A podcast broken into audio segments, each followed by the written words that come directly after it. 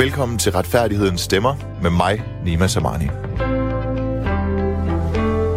Skyldig i drab hedder en bog, der udkom i sidste uge, og forfatteren til den bog, det er dig, Thomas Tura. Velkommen til. Tak skal du have.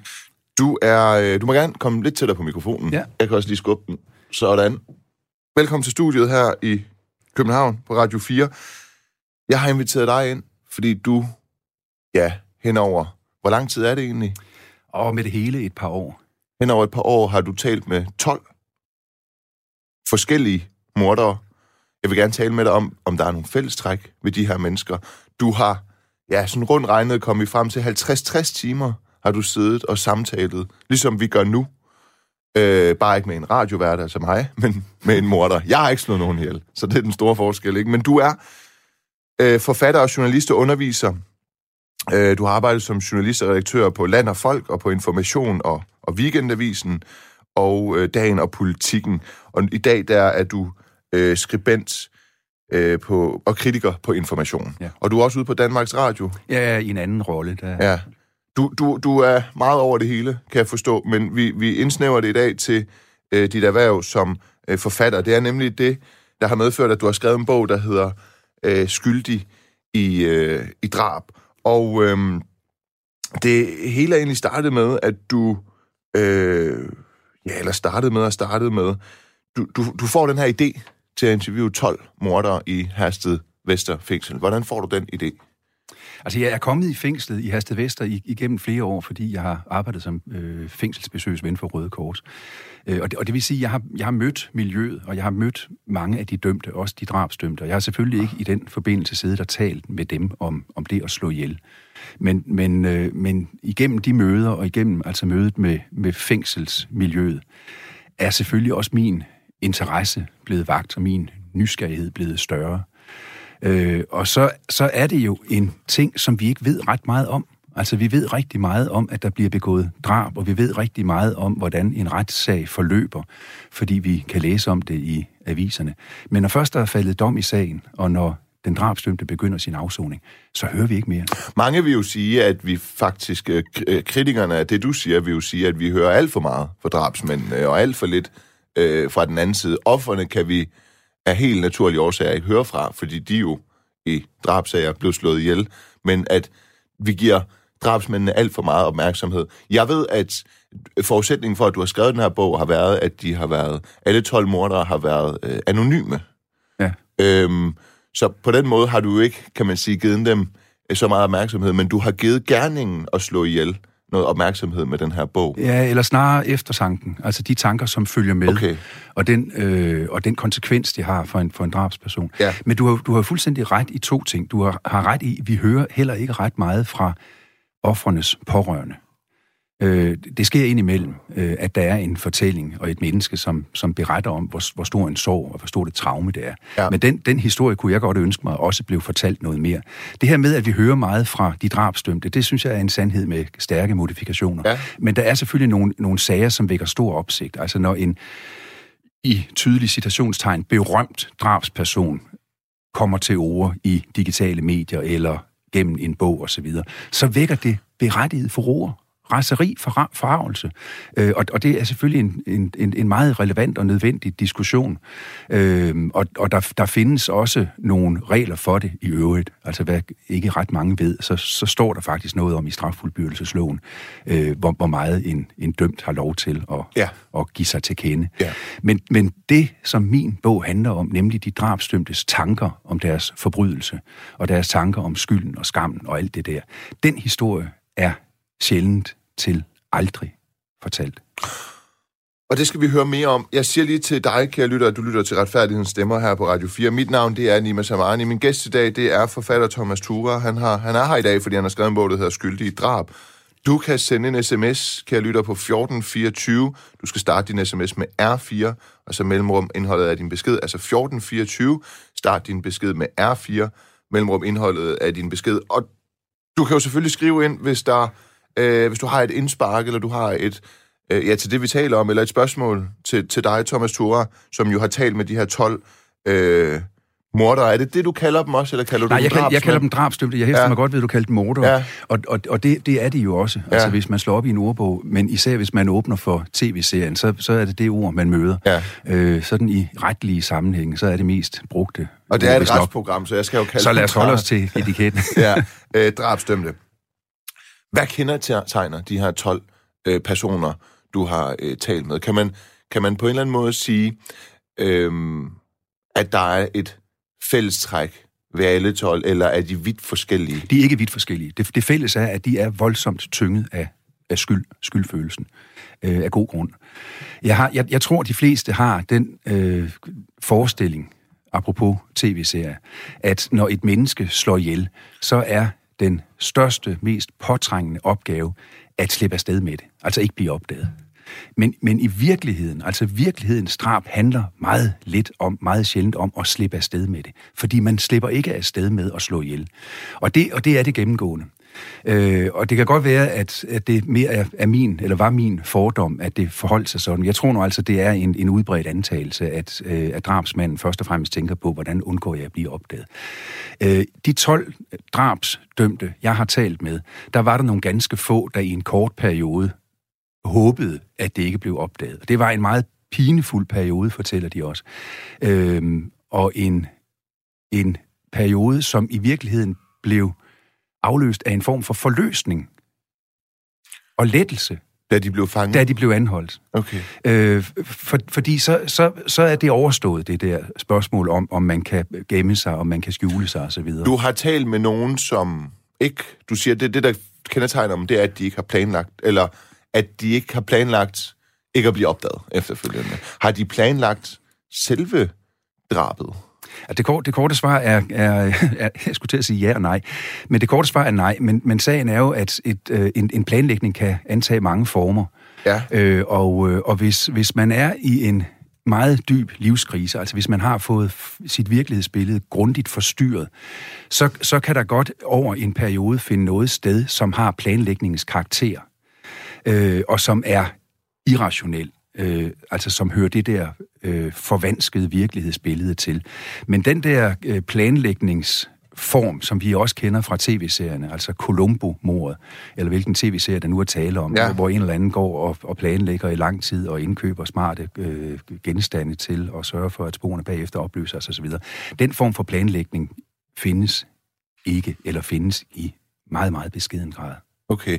Og det, der tænker jeg jo også, hvis den form for planlægning, hvis det er det, du har oplevet med de 12 drabsdømte, du har talt med, at den form for planlægning, den ikke eksisterer. Øh, så vi taler jo meget om, hvorvidt øh, udsigten til en hård straf i Danmark, ja. Den, den, den virker, om den er præventiv og forebyggende. øh, det, der må svaret til det jo, jo være negativt så. Altså sådan, fordi hvor meget i deres... Altså, du Jamen, siger, det tror jeg er sandt. Altså, du- Jamen, det, det, det tror jeg er sandt. hvis man ikke planlægger, hvis man ikke Ja. planlægger den del ikke at blive opdaget, Ja. så sidder man vel heller ikke inden drabet Nej, og spekulerer jeg- i, jeg- om, om man får 20 år, eller om man får 30 Nej, år, eller præcis. 40 år. Jeg, jeg, jeg spurgte øh, alle 12 drabsdømte om, hvorfor de sad i fængsel, og med det mente jeg ikke, at, om de havde slået eller ikke slået ihjel. Men hvad var hensigten? Hvad var formålet med fængselsstraffen? Mm. Der var ingen af de 12, der talte om det præventive. Det vil sige, der var ikke nogen, der sagde, jeg skal straffes, sådan at andre ikke går rundt eller går hen og gør det samme. Og når de ikke nævner det, så må det jo altså også betyde, hvis man slutter baglæns, at det heller ikke havde nogen betydning, altså det præventive i forhold til, hvad de for inden deres eget drab vidste om konsekvenserne, altså en lang fængselsstraf. Det, det spiller ikke en rolle, i hvert fald ikke nogen stor rolle, og det, øh, det, det handler så igen om, hvad det er for en, en, en tilstand, den typiske drabsperson øh, befinder sig i. Altså det, jeg før kaldte et øh, forvansket, et forkvaklet, et forvredet virkelighedsbillede, og en form for øh, dyb livskrise og så videre, som ikke fratager dem skylden, og ikke fratager dem ansvaret. Øh, fordi hvis, hvis den forvanskede virkelighed var så dyb, at den grænsede til, eller grænse, gik ind over grænsen til psykoser og sindssyge osv., så, så ville de ikke være fængselsstraf egnet, så ville de få en behandlingsdom. Der sidder nok nogen og tænker nu, øhm, hvad er det for nogle drabsdømte, der er tale om? De er som sagt anonyme, men når, man, når, når snakken kommer på Hersted Vester, så kan man jo ikke lade være med at tænke på, om øh, det er de store kendte, der er en del af dem, Peter Lundin og så videre. Ikke? Det er det ikke. Jamen, jeg, jeg, jeg har en meget stram regel sat op for mig selv. dem. Jeg har en meget stram regel for mig selv, der gælder Ja. om, at jeg siger ikke, hvem der er med. Jeg siger heller ikke, hvem der ikke er med. Du siger heller ikke, men, men, ikke er med, men, men du vil jeg, gerne sige til mig, at det for eksempel ikke er bandemedlemmer. det er ikke bandemedlemmer. Fordi der er en bestemt de, de årsag til, at det ikke er sted. bandemedlemmer. Ikke? De afsoner ikke i Hasted Vester. Du har været besøgsven i Hersted Vester. Ja. Øhm, hvad, altså, og der taler du med drabsdømte, men du taler ikke med dem om gerningen. Nej, øh, altså, jeg, jeg har også lavet, eller sidder med i en læseklub derude, hvor vi læser øh, forskellige bøger og Ja. snakker om dem, når vi har forfatteraften osv.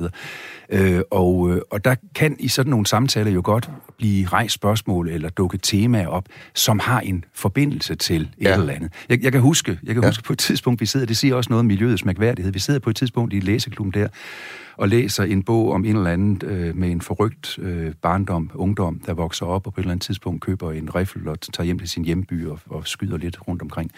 Og så siger et af læseklubbens medlemmer, den anden gang, jeg blev mentalt undersøgt. Og den, alene den sætning, det, det siger jo noget om stedets mærkværdighed.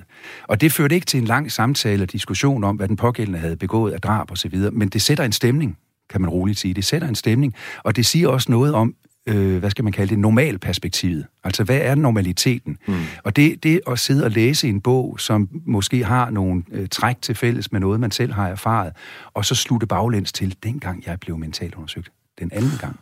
Det er nemlig det, men når vi så fra politisk hold er så optaget af kriminalitet i form af, af banderne og skyderier og så videre, det er det, der skaber øh, uro og gør, gør, gør, gør helheden, gør danskerne utrygge og så videre, så har du valgt en anden vej, og du taler jo med dem her, og jeg, jeg, det, det, det der, hvor, altså, hvordan går du fra nu, vi går lige lidt tilbage nu, hvordan Mm. går du fra øh, at være besøgsven, hvor du ikke rigtig taler med dem om gerningerne, det ligger implicit i nogle af de ting, de siger, til at du så tænker, nu vil jeg hardcore sætte fokus ind på simpelthen at tale med de her øh, mennesker, der har slået ihjel øh, i 50 øh, 60 timer. Hvad er motivationen? Hvad er motivationen i det hele taget for at bevæge dig ind på Hersted Vester fængsel og ja, være besøgsven for Røde Kors? Jamen, der er, der er, der er to svar. Øh, nu holder jeg lige først omgang det der med besøgsvenneriet Ja. udenfor. Ja. Fordi det, det med bogen, det handler om, som jeg sagde før, at vi kender meget lidt til den virkelighed. Og nu tænker jeg både på fængselsvirkeligheden og så den indre, indre virkelighed, altså den drabsdømtes øh, tankeverden. Øh, og, øh, og det har selvfølgelig noget at sige i forhold til det, du nogle gange har nærmet dig, nu vi har siddet og snakket. Altså, hvad er den offentlige mening om, og hvad siger politikerne osv.? Det, der er noget her, vi utvivlsomt kan blive klogere af at, at lytte til. Øh, og så er der selvfølgelig en anden dimension, øh, nysgerrigheden, interessen for, for noget, som er så ekstremt, så exceptionelt. De drabsdømte lever i en i en helt særlig verden, med nogle fuldstændig særlige erfaringer.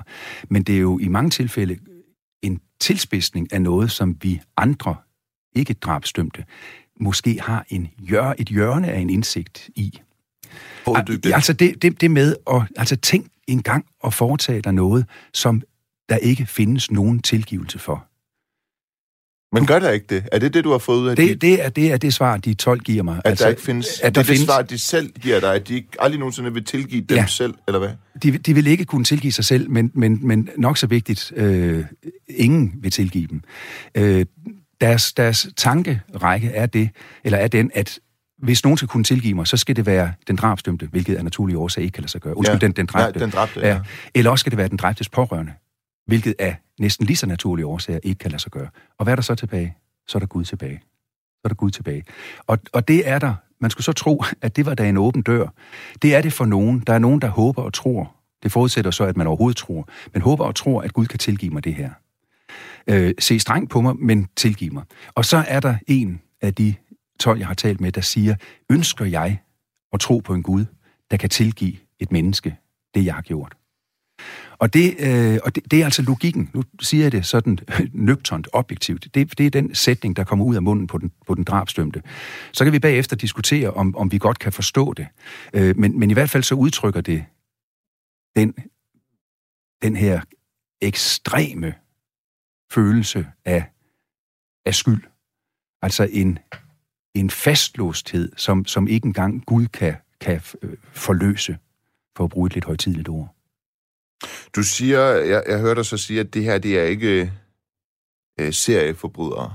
Det er ikke, det er, det er, det er ikke stone cold killers. Jamen, det skal, er, vi, skal, vi, det er ikke, skal, vi ikke, normale lige- skal vi ikke lige personer. nævne, at at der er tre typer af, af drab, som også er drab, der fylder i den almindelige drabstatistik. Altså der er for det første det, jeg i bogen kalder drab på nærtstående. Det kalder man også nogle gange for familiedrab. Ja. De udgør godt og vel 44 procent, har en stor undersøgelse vist for nylig. 44 procent af de cirka 50 drab, der bliver begået om året. Og så er det det, jeg kalder voldsdrab, øh, og så er det det, jeg kalder seksuelt betinget drab, det vil sige drab i forbindelse med voldtægt eller voldtægtsforsøg.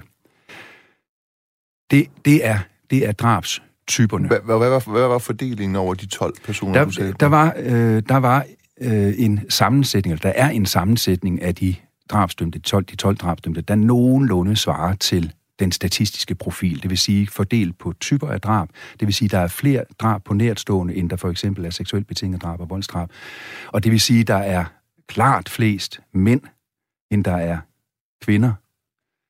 Øh, og, øh, og, så, og så er der i øvrigt en spredning også i forhold til, hvor længe har de afsonet. Nogen har afsonet nogle få år, og nogen har afsonet i rigtig mange år.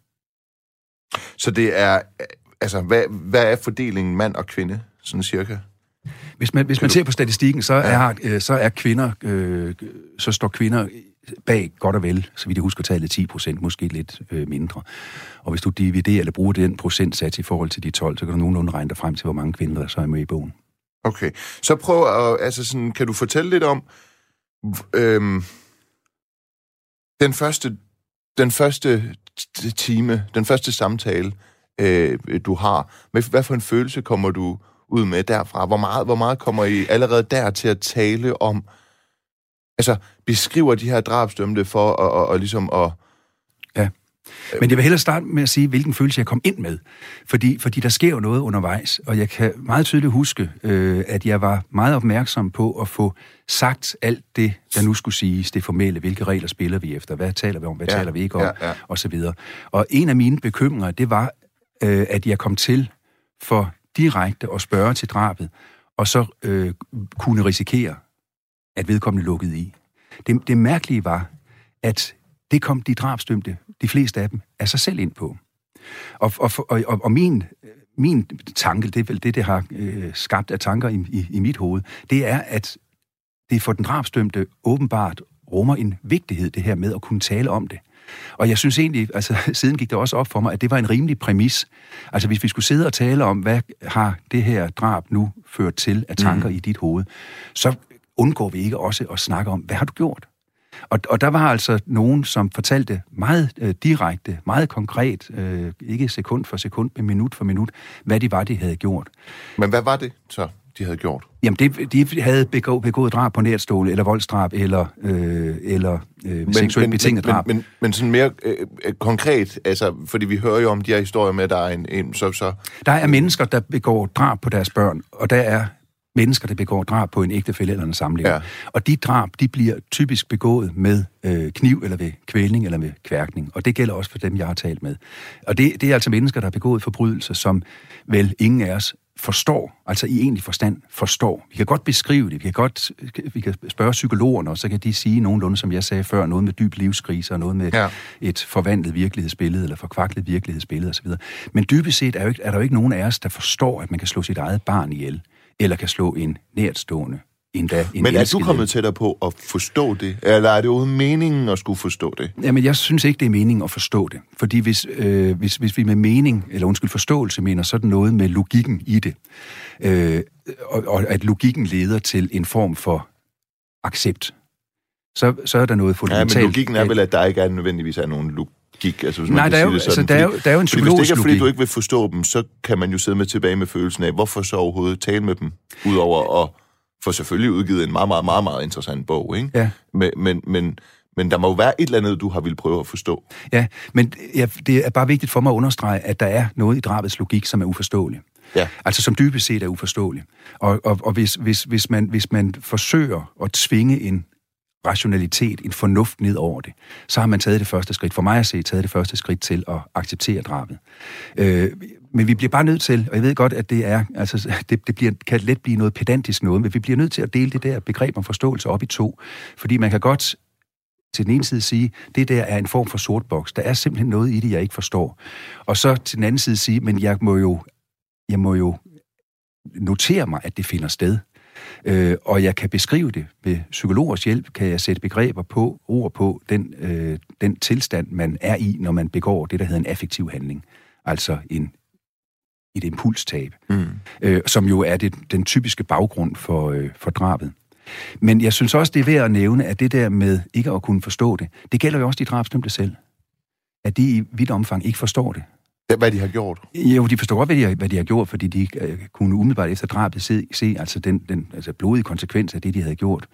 Uh, men, det, men det må man ikke, det du siger der, det må man ikke komme til at forveksle med, at de nødvendigvis har været psykotiske, da de begik Nej, det, drabet, det, er så, det er jo sådan noget formelt, ja. øh, også sådan noget Nå, men det er jo også meget afhængigt, øh, afhængigt, eller det er også meget afgørende for straffen jo. Ja. Om, om, om, altså, skal vi, skal vi øh, fastholde os ved, at de, hvis de på den anden side, hvor du har talt med dem i fængsel, altså efter de har begået drabet, egentlig giver udtryk for, at de nødvendigvis heller ikke selv forstår det. Skal man så forstå det som, at de har været i en eller anden form for tilstand i gerningsøjeblikket, eller øh, ja, hvordan skal, hvordan skal man forstå det? Man skal forstå det på den måde, at hvis de er psykotiske, det vil sige, hvis de er sindssyge, ja. øh, så er de så er de ikke egnet til fængselsstraf, så får de en behandlingsdom. Og den, den, den hårde, fine streg, jeg siger hårde, fine, fordi den må være svær at trække, den har vi retspsykiatrien og mentalundersøgelsen til at gøre os klogere på, eller det vil sige, den har domstolen og anklagemyndigheden, øh, retspsykiatrien, mentalundersøgelse til at gøre dem klogere på, eller gøre sig klogere på. Øh, men man kan jo godt være ikke psykotisk, ikke sindssyg, og så være i en tilstand, som man bagefter har svært ved at forstå. Og det, som de drabsdømte fortæller, er eksempelvis, at de har svært ved at genkalde sig selve drabsøjeblikket. Og deres eget bud, og den øh, støtter så også den psykologiske øh, sagkundskab, er, at bevidstheden beskytter dem. Altså, at man lukker ja. af for det, som er næsten altså umuligt at optage i bevidstheden. Og det, jeg må bare igen understrege, at det fratager dem ikke skyld, og det fratager dem ikke ansvar, og de selv er de første til at sige, at det ikke fratager Det var nemlig det, jeg vil ja. komme ind på nu. Jeg siger lige øh, til dig, kan lytte, hvis du lige er kommet på, at du lytter til retfærdighedens stemmer her på Radio 4. Mit øh, navn er Nima Saman. Min gæst er Thomas Tura. Du er forfatter til en bog, der hedder Skyldig i drab. Og hvis du, kan lytte, har et spørgsmål til, til, til Thomas her, så kan du sende en sms på 1424. Du skal starte din sms med R4, og så mellemrum indholdet af din øh, besked. Du siger, at det her er ikke ens betydende med, at øh, altså det der med, at de på en eller anden måde fortrænger gerningen, eller prøver at, og det er deres forsvarsmekanisme at lukke ned for den, det er ikke ens betydende med, at de frelægger sig skylden.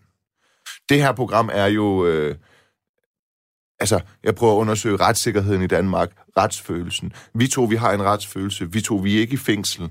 Det er jo meget interessant for mig at høre om de drabsdømte også har en retsfølelse. For hvorfor skulle de ikke have det? Altså, udover den gerning, de har begået, er de jo mennesker ligesom dig og mig. Som jeg forstår det, er mange af de her 12 drabsdømte, du har interviewet, mennesker, der står op, går på arbejde, har måske en fin nok tilværelse, er ikke nogen, der kommer fra øh, den, den sociale eller økonomiske underklasse, og så er der et eller andet, øh, der slår klik. De er måske ulykkelige med, og, hvad ved jeg, ulykkelige, og så, og så kan, kan de ikke holde ud. Hvad, hvad er det, de er ulykkelige? Og så kan man komme til at slå sin kone eller sit barn ihjel, fordi man ikke vil... Hva, ja, hvad er det egentlig? Bare fordi man er sur en dag. Altså, vi, vi, vi, skal, vi, skal, jo, vi skal jo bestemt ikke trivialisere drabet, det. Nej, og, og, nej, det, og det er heller ikke det, du er ude i. Det, det er jeg godt klar over. Ja. Øh, men, og, det, og når du formulerer det på den måde, ja. så opfatter jeg det også som en understregning af det her med, at det er dybest set uforståeligt og så kan ja. man beskrive nogle psykologiske ja, mekanismer osv. Ja. Men, men, men, men det handler jo ikke om en øh, forbigående lortedag, der ender med, at man slår konen i. Så, sådan er det ikke. Det øh, handler om nogle lange forløb af konfliktfyldt karakter, traumatiserende, eller i hvert fald øh, dybt problematiske øh, følelser, situationer igennem en lang periode, øh, og som ender i en form for forvanskning af virkelighedsbilledet. Ja. Og, ja. Og, og, og, og, den, og den tab af virkelighedsfornemmelse er jo så også det sorte hul, de drabsdømte, mange af de drabsdømte bagefter står og kigger ned i og spørger sig selv, hvordan gik det til? Der er en af de drabsdømte, jeg øh, har talt med, som formulerer det på den måde. Hvorfor lod jeg mig komme ind i den krog? Hvorfor lod jeg mig komme ind i den krog? Og det, jeg synes, det, det, det er en interessant og god formulering, for i det ligger jo, at det er noget, vedkommende lod ske. Og det vil sige, der ligger også, at man vedkommende påtager sig et ansvar for det. Og så ligger der i det, at inde i den der krog, der var det der mørke, som jeg simpelthen ikke kunne hitte redde i. Og bagefter har jeg svært ved at årsagsforklare det. Altså, hvorfor lod jeg det ske? Mm. Øh, og det synes jeg meget fint beskriver dobbeltheden. Men det er også en meget passiv måde at formulere noget på. Jeg synes, at det lyder, altså hvis du, jeg, nu ved jeg ikke, om du øh, ordret citerer vedkommende, men det, hvorfor lod jeg det ske? Det lyder som om, at man frelægger ja, sig men det er handlingen. rigtigt. Det, du, du har, det er en, en, god, en god sproglig jagttagelse, at der, der ligger en, en, en, en halv passiv form, Ja. men, men der ligger altså også i det, at vedkommende lod, lod, lod, lod, lod det ske. Altså det er verbet, det er vedkommende, der har gjort det, altså lavet det ske. Okay, Men, ja. men, men, men det, det, er, det er i hvert fald vedkommendes Det klart, pointe. ja. Det er vedkommendes pointe. Ja. Øh, og, øh, og, og, og den dobbelthed er, er, er kompliceret, og jeg tror i meget høj grad, det også er den dobbelthed, som buller løs i den drabsdømtes hoved efterfølgende. At man altså har et ansvar for noget, som man har svært ved at forklare, hvordan gik til. Og så, undskyld, hvis jeg lige må øh, få en ting til. Det handler også om, kan jeg, kan jeg genkende, genkende mig selv i de ting, jeg gør? Og Så, sådan har jo de fleste øh, af os det med at færdes ude i verden. Vi vil gerne kunne komme hjem, og så kan vi kigge tilbage på dagen og sige, jeg kan godt genkende mig selv i den rolle, jeg havde i forhold til mine arbejdskolleger, mine venner og ting og sager. Den drabsdømte kan i kun meget, meget sjældne tilfælde, altså hvis vi taler om dybe personlighedsforstyrrelser, kan ikke genkende sig selv i drabet. Okay, det er, det er interessant. Det synes jeg, det er meget interessant, fordi det er jo et eller andet sted også øh, får mig til at tænke på, at det er øh, engangs drabsmænd, det her. Det, det er det jo også, og igen er det et indtryk, vi har fra altså andre steder fra, at øh, altså at at at øh, Men mindre de kan lade det ske igen. Ikke kom, kom ind i et mørke. jo jo, men Ja. de kan lade det ske igen, ja. men, men men sagen er at øh, at øh, at, at seriemorderen, seriedrabspersonen er en meget sjælden vare. Altså det, det, det findes heldigvis meget sjældent. Vi kan, vi kan godt nævne nogle eksempler, kan vi tanke om nogen øh, nu og her. Men, men det er altså en meget marginal gruppe i, i drabstatistikken. Langt de fleste drabspersoner har ikke tilbagefald til den type kriminalitet. Der kan være nogen, nu, nu var du inde på det her med, hvor, hvor kommer de mennesker fra rent socialt. Og de kommer øh, mange forskellige steder fra. Der kommer også nogen fra miljøer, hvor de har været gennem et stofmisbrug og gennem øh, personfarlig kriminalitet osv. Og der er risikoen for tilbagefald til, øh, til en kriminalitet, der ligner langt større end det typiske drab. Og for lige at nævne det igen, altså den der undersøgelse, jeg omtalte før, 44 procent af de godt og vel 50 drab, der bliver begået om året i Danmark, er drab på nærtstående eller såkaldte familiedrab. Og der er der ikke noget tilbagefald. Altså man, øh, man, man ser det ikke i statistikken. Der er lige en sød lytter, der minder mig om, at øh, det var retsfølelsen, jeg spurgte til Det hos de her drabsdømte. Ja. Vedkommende skriver, øh, følte de drabsdømte, at den straf, de havde fået, øh, var retfærdig øh, og fortjent. Jamen, det er godt. Øh, og, og, et, og et centralt spørgsmål. Øh, de drabsdømte kan i mange tilfælde have meninger om, om de fik for lang en straf. Altså fik de en livstid og skulle hellere synes, de selv har haft 16 år.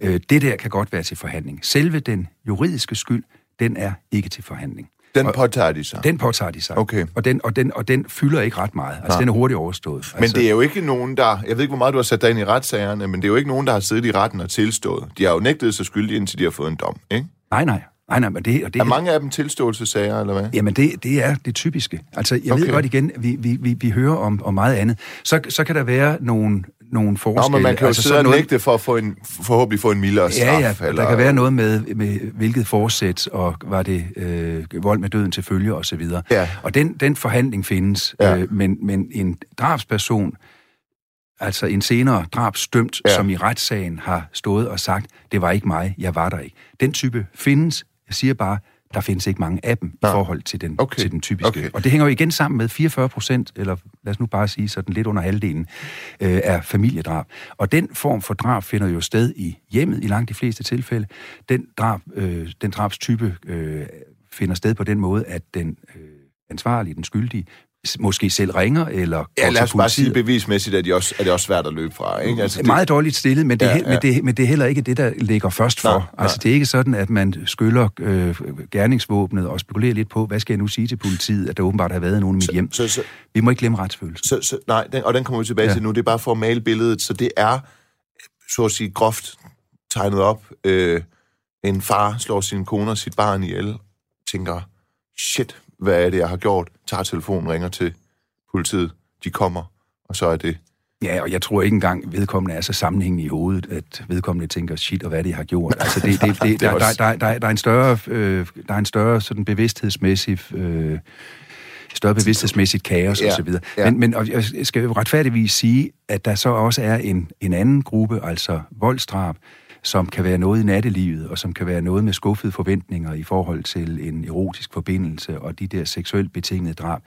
øh, som, øh, som godt kan være handlinger i affekt, men som jo, fordi de er sket for eksempel i tilknytning til anden kriminalitet, eller i tilknytning til en anden kriminalitet i øh, med et seksuelt indhold, har en lidt anden karakter end øh, det andet. Okay. Du siger, ja, retsfølelsen. Retsfølelsen, ikke? jo. Skyld, øh, Altså, de påtager sig skylden, siger du. Det kendetegner alle 12?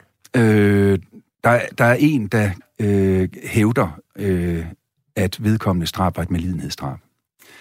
Øh, og så er der... Øh, altså sådan en form for aktiv dødshjælp, ja, eller hvordan? Ja, ja, ja, okay. sådan en slags. Ja. Okay, og så er der en, der hvad? Øh, jeg skal lige passe på, hvad jeg siger, fordi det, det er den, der sådan tydeligst øh, markerer, at det, jeg gjorde, var noget andet øh, og, og jo som konsekvens er uenig i straffen. Øh, accepterer straffen, men, men, men han har sagt formelt set er uenig. Anser det for at være et medlidenhedsdrab, og måske anser øh, dommen for at være hårdere, end den burde have været. Okay. Men, men, men, men, det, men det er tilfældet. Øh, eller det Så de accepterer tilfælde. Øh, straffen. Jeg har talt med, med, med Peter Skov, retsordfører for Dansk Folkeparti. Jeg har talt med Nasser Carter, retsordfører for Konservativ her i Retfærdighedens Stemmer. Og øh, mm. i hvert fald fælles for dem er, at den her sang om, at det er i hvert fald blevet meget normalt på den borgerlige side at sige, jamen først også hos Socialdemokratiet, at så længe de sidder inde, kan de ikke øh, begå en forbrydelse. Øh, det er jo meget den hævnagtige måde at se systemet på, fængselssystemet, strafsystemet på, i forhold til den rehabiliterende. Ja. Er der nogle af de her 12 mennesker, der sidder og tænker, bare komme med hævnen. Samfundet skal have lov til at hævne sig på mig. Er der endda nogen af dem, der sidder og tænker, et øje for et øje, en tand for en tand. Hvorfor henretter de mig ikke bare? Nu når vi taler om retsfølelse, og de selv ligesom har begået den følelse, folk kan have en retsfølelse, eller forbrydelse, ja. folk kan have en ja. retsfølelse omkring. Jamen, de har øh, flertallet en, en ret udtalt øh, retsfølelse, og, og er også i stand til at træde på et skridt afstand af deres egen forbrydelse. Og for eksempel sige, hvis det, jeg har gjort, var sket mod en af mine, så skulle vedkommende låses inde og nøglen smides væk. Altså den der, øh, den der kliché eller frase, er de også bekendt med, og har de også forståelse for. Og i det ligger selvfølgelig en, en retsfølelse, som ligner den, som, som du nu refererer øh, de der politikere for at have. Øh, så, så, så den er ikke, den er ikke øh, fremmed for dem. Det de, det, de så siger gennemgående, det er, ja, det skal hævnes, for det kan ikke nytte noget, at man kan begå det, jeg har begået, ustraffet. Og så siger de noget, som jeg anser for at være vigtigt.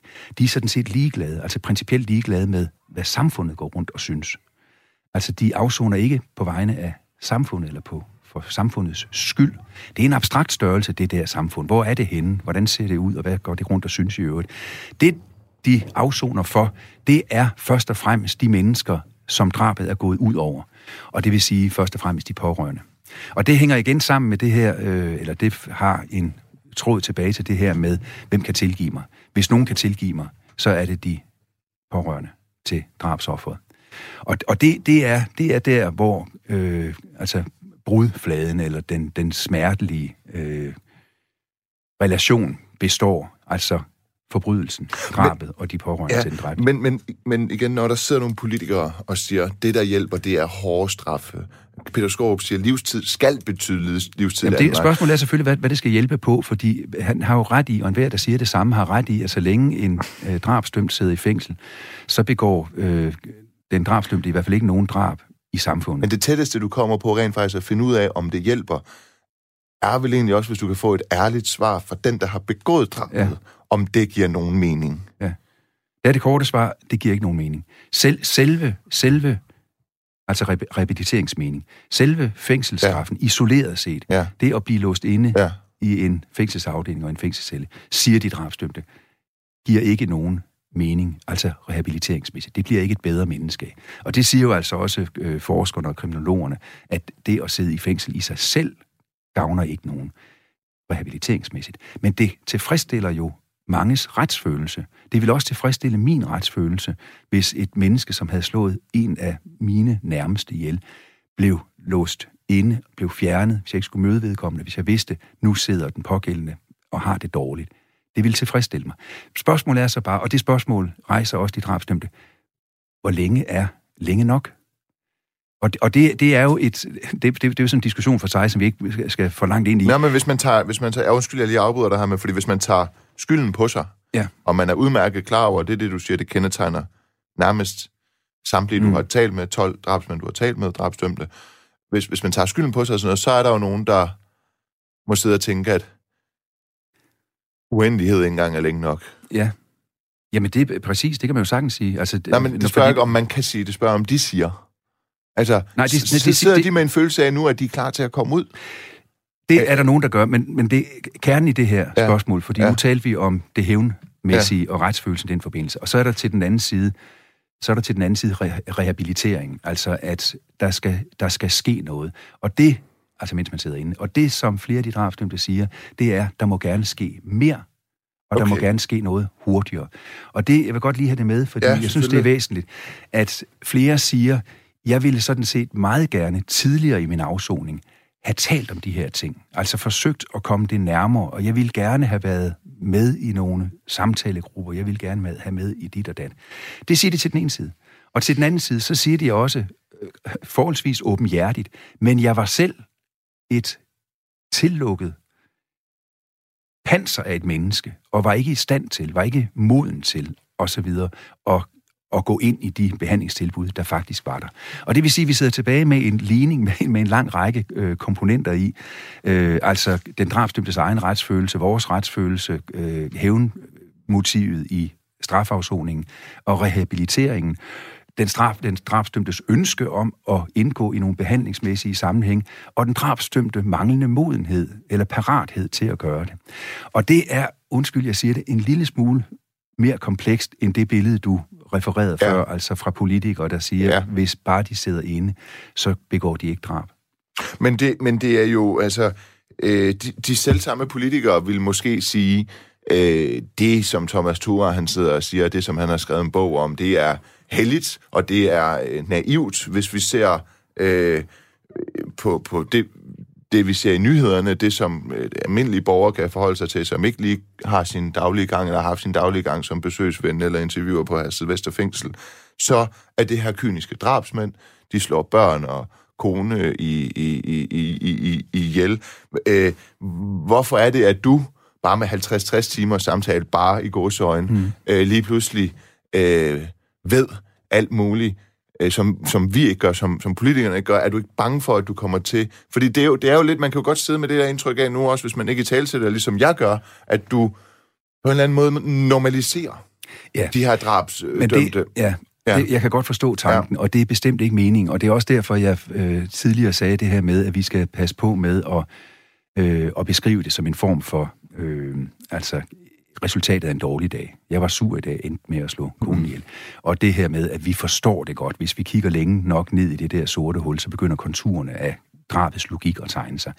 Jeg går ikke ind for det princip. Eller jeg tror ikke på det. Det er ikke forkert men, men, det er ikke noget, jeg går ind på. Men den her proces øh, øh, altså sat en grænse? Altså sådan, hvor, hvor, hvor meget har du tænkt øh, det her... Øh, det bidrager faktisk til noget større samfundsrelevant, eller det her, det handler om personen Thomas Ture selv, altså sådan noget, noget du prøver at, at, at, at forstå. Øh, det jeg faktisk spørger til, det er, når du, når du kommer hjem fra de her interviews, og du ligger der i, på, på ryggen i sengen og kigger op i loftet, det ved jeg ikke, om det er præcis det, du gør, men om du så har været fortvivlet eller besvivlet om det, du har haft gang i, det projekt, du har haft gang i, har været... Øh, fordrende eller nødvendigt. Ja, men det har jeg tænkt på både før, under og efter, øh, og også efter bogen er udkommet. Ikke, ikke øh, med så dyb en tvivl, at jeg føler øh, jorden under øh, bogen slår revner. Men selvfølgelig har jeg, har jeg tænkt på det, og, og helt konkret, altså fra det sådan metodiske, hvordan griber jeg det her an, og så til det, øh, hvad skal man sige, resultatet af samtalerne, hvad ja. ligger der i det her, og hvad, hvad, er det, hvad er det, der sker, når man fører de her øh, samtaler. Men jeg vil, jeg vil lige sige, at, at, øh, at jeg har jo ikke forinden lagt mig fast på et eller andet, at nu vil jeg skrive en bog om, at de drabstømte godt nok går rundt og føler en stor skyld, og godt nok gerne vil zone. Men du har lagt dig nok... fast på, at du ville skrive en bog, før du begyndte interviewrækken med de 12 Ja, det gjorde jeg, ja, ja. ja, ja. Og, jeg, og, jeg, og jeg havde besluttet mig for, at overskrifterne for de enkelte ting skulle være de der skyld og tilgivelse, ja. og hvordan, hvordan forholder jeg mig til mit, mit drab. Ja. Men jeg havde jo ikke lagt mig fast på svarene. Og jeg, og jeg siger det for at understrege, øh, at det kan godt være, at der ligger naivitet i en del af tilgangen til at skrive sådan en bog. Øh, altså at man har en forventning om, at man finder svar på noget, som er uendelig svært at få præcise og dækkende svar på. Men den er ikke naiv i den forstand, at den er båret af et bestemt synspunkt. Jeg, jeg er ikke båret af en skid synspunkt, eller ideologi, eller holdning. Og jeg er ikke ude i et eller andet øh, sådan anti Peter eller anti noget som helst. Men jeg beskriver noget, som 12 drabstømte af en typisk art, altså typisk drabstømte, fortæller om deres drab. Og, og det, det anser jeg altså for principielt at være mindre naivt end så meget andet, der bliver sagt i de her diskussioner. Som for eksempel nogen, der aldrig har talt med dem, eller har forstand på det, siger, øh, straf, straf, straf. Ja, jo også fordi den her retsfølelse, som jeg anerkender ja. vigtigheden af, og det er der altså ikke, det er ikke, det er ikke alle, der gør det, og, og folk, der har en øh, større... Øh, det er jo det sværeste område i juraen, fordi det er følelsesbaseret. Ja, ikke? og det er et skønsprincip, ja. fordi jeg, altså, hvordan finder jeg ud af, hvad din skyldfølelse, undskyld, din retsfølelse Præcis. er, hvor stor er den? Ja. Og, og en lang række af de konsekvenser, som retsfølelsen har i strafudbyrdelsesloven, det lægger jo til grund, at dem, der foretager sanktionerne, så at sige, skal kunne vurdere, altså skønne omfanget og karakteren af retsfølelsen ude omkring i samfundet. Men jeg har lyst til at sige en anden ting, som, som, som også øh, kom undervejs i samtalerne med de drabsdømte og med at skrive bogen. Det her med retsfølelsen, det, det plejer vi at opfatte som en hævnlyst, og som jo er en begrundet hemmeløst. Det er meget menneskeligt at ønske, at det går skidt for den, som har gjort det skidt for mig og mine nærmeste.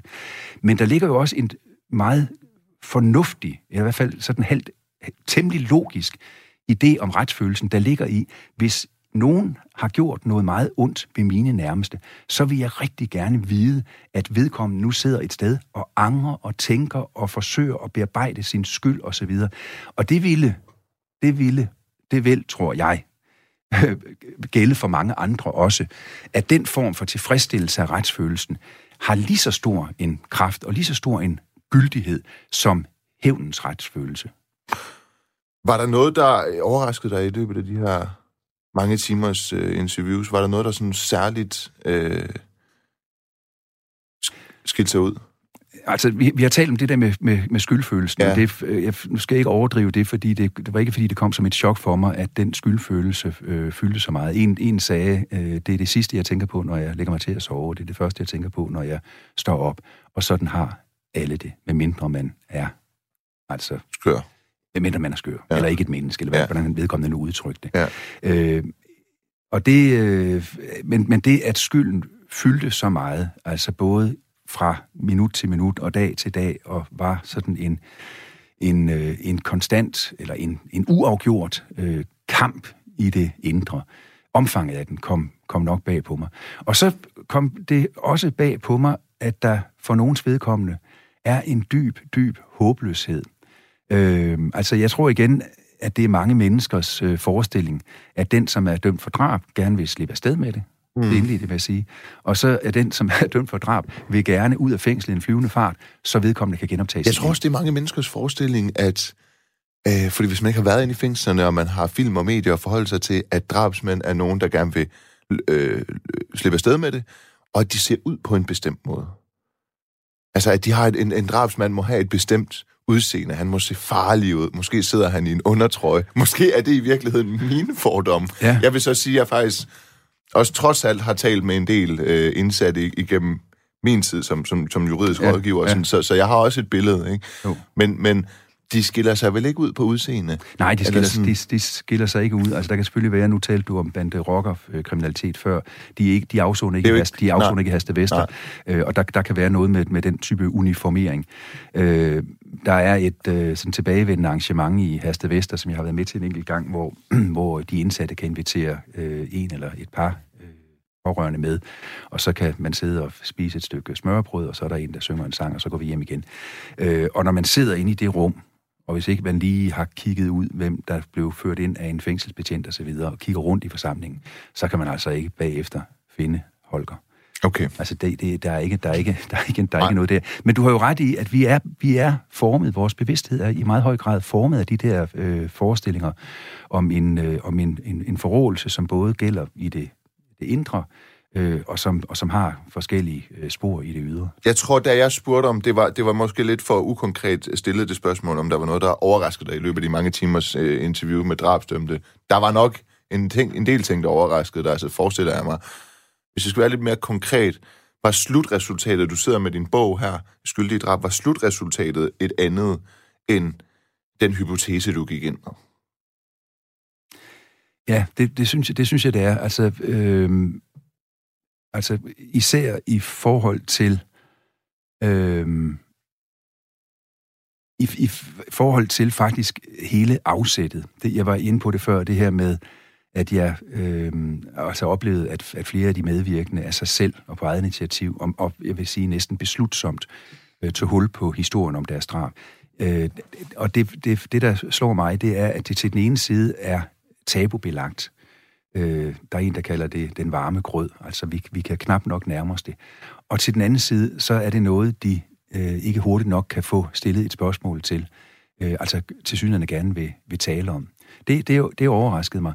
Øh, og det har også formet øh, bogen, fordi jeg synes, den er blevet mere, øh, hvad skal man sige, den er, den er mere øh, åbenhjertig øh, omkring, omkring deres eget ubehag og afsky for den øh, handling, de har begået. Og det, og det fører til det, som jeg i bogen øh, har samlet under ordet selvstraffen.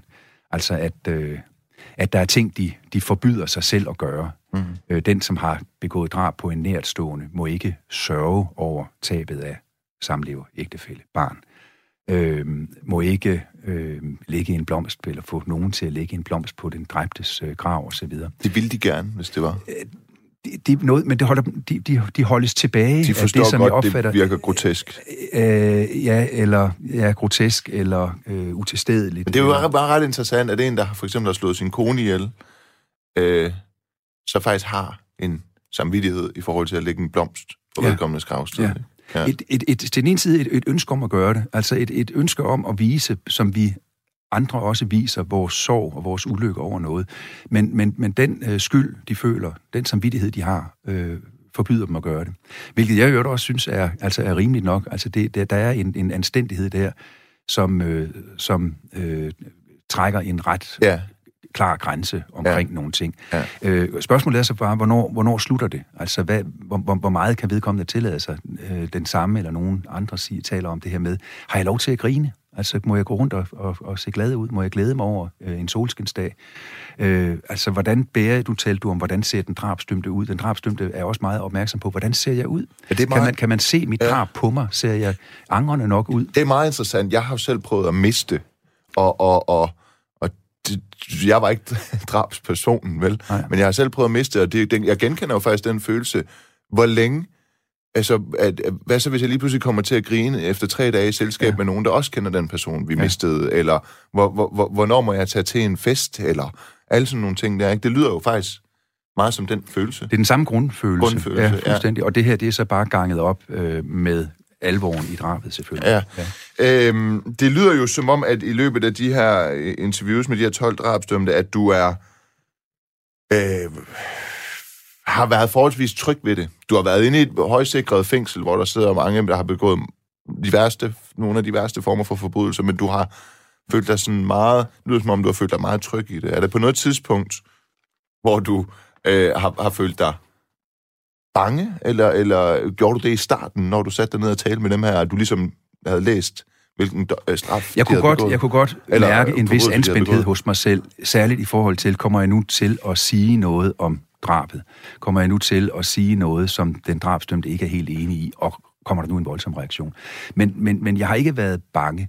Der var, der var ved en bestemt lejlighed, nu nævnte du det her med, at jeg havde talt med dem i flere omgange, altså øh, 36 samtaler af nogle timers varighed, og så nogle samtaler derudover.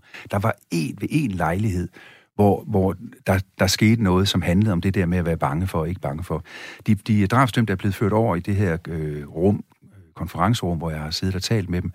Øh, nogle er kommet selv, hvis de har lov til det, har terrænfrihed osv. Og, og så på et tidspunkt, så er der en, der bliver ført ind og øh, får at vide, hvor vedkommende skal sidde, og vi siger hej og sætter os og slutter, eller går i gang med interviewet. Og så lægger fængselsbetjenten den her lille biber, altså den, som man kan alarmere de andre med, hvis der sker et eller andet, lægger den på bordet ved siden af mig.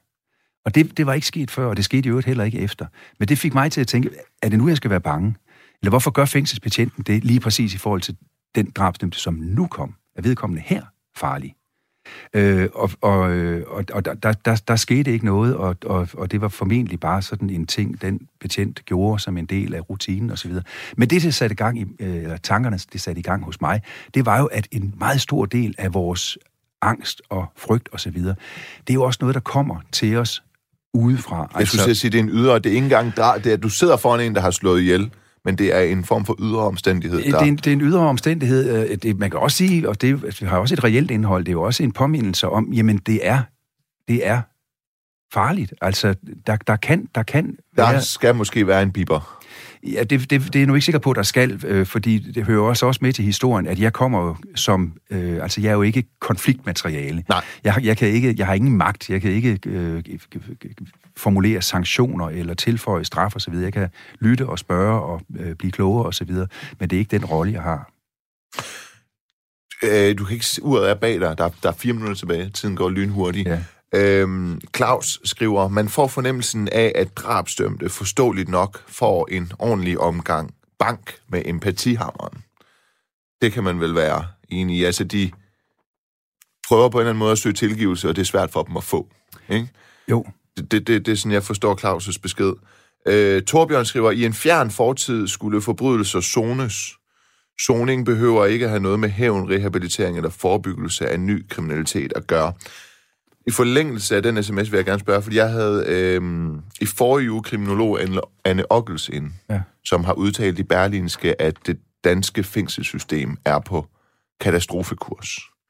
Øh, hun mener, at man bliver mere kriminel af at være derinde, og rehabilitering og resocialisering, den er gået i stå. Ja. Nu ved jeg godt, at du ikke er kriminolog eller ekspert på det område, men som menneske har du siddet og talt med 12 drabspersoner i mange timer,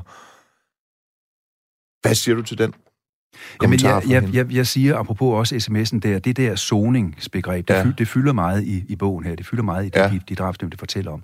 Og, øh, og jeg øh, anser faktisk zoningen som en, en del af rehabiliteringen. Altså rehabiliteringen handler jo om at være socialt duelig, altså at kunne leve i verden sammen med os andre. Øh, og, og, og det er nok ikke det er nok ikke helt forkert, at det bliver man bedre til, hvis man har en stor selvindsigt øh, og erkendelse, og selvindsigt, erkendelse osv. er i nær familie med det her med at zone. Øhm, og, øh, og det med, øh, det med, med fængslernes krise og så videre, det har selvfølgelig med en hel masse øh, ressourcer og tal og ting og sager at gøre. Altså, at der er en, en svag bemanding. Men jeg kan gengive, hvad de drabsdømte siger om det. Det her med ønsket om gerne at få en tidlig behandling, altså at man tidligt forholder sig til, hvad skal der gøres med vedkommende her, øh, og en, øh, og en, og en, og en grundig og direkte, et grundigt og direkte ønske om også at arbejde med det der zoningsperspektiv. Der er en af de drabsdømte, der siger, jeg ønsker ikke en let afsoning. Jeg ønsker en bedre afsoning. jeg skulle lige til at spørge, mange taler om, at det for mange forbrydere er en ferie, fordi de har fjernsyn og Playstation og hvad ved jeg, hvordan er... Ja, men det, jeg ved, jeg, det, nu, der, der er jo så mange af de der øh, klichéer, eller ja. synspunkter, eller formodninger ja. osv. Bak, bak, Nå, men jeg mener, at det, det, den her den ene drabsdømte mener med, jeg ønsker ikke en... Hvad sagde du? En, ikke en let ja. afsoning. Ja. Altså, det må gerne gøre ondt. Altså, det må gerne... Der, men hva, der er... hvordan kan det gøre ondt? Så er det i form af en primitiv celle, eller... Nej, nej, nej, nej, nej, nej, nej, det, det, det er sådan set, okay. som, som omstændighederne er. Altså, det, jeg kunne, altså, for at sige det kort, der, det er ikke nogen ferie. Hverken en badeferie, eller nogen som helst anden slags ferie sidde i fængsel. Og når vedkommende der taler om ikke en let afsoning, så mener vedkommende, den der hævn, den der spærren inde, den er, den er rimelig nok. Men der skal gerne være noget, som er godt i betydningen behandlende. Arbejde med soning og hele det der komplekse spørgsmål. Det, som Claus mente, og det skriver han her igen, det er, at de, det, og, og det, det stemmer overens med det, du har sagt, og alt det, vi har talt om i den her time, det er, at det er de drabsdømtes egen empati, de får bank af. Samvittigheden angriber, ja, så at sige, indenfra. Ja, ikke? ja meget, ja. meget godt formuleret. Øh, så, så, så uanset om man er bag trammer, eller hvad man er, så er man i hvert fald fængslet af sin egen samvittighed. Det, og det er det, du har oplevet går igen ved de 12 drabsdømte. Der er 10 sekunder tilbage, Thomas Tura. Tusind tak, fordi du var med. Din bog hedder Skyldig i, i drab og kan købes nu. Og øh, ja, klokken den er 12, og der er nyheder.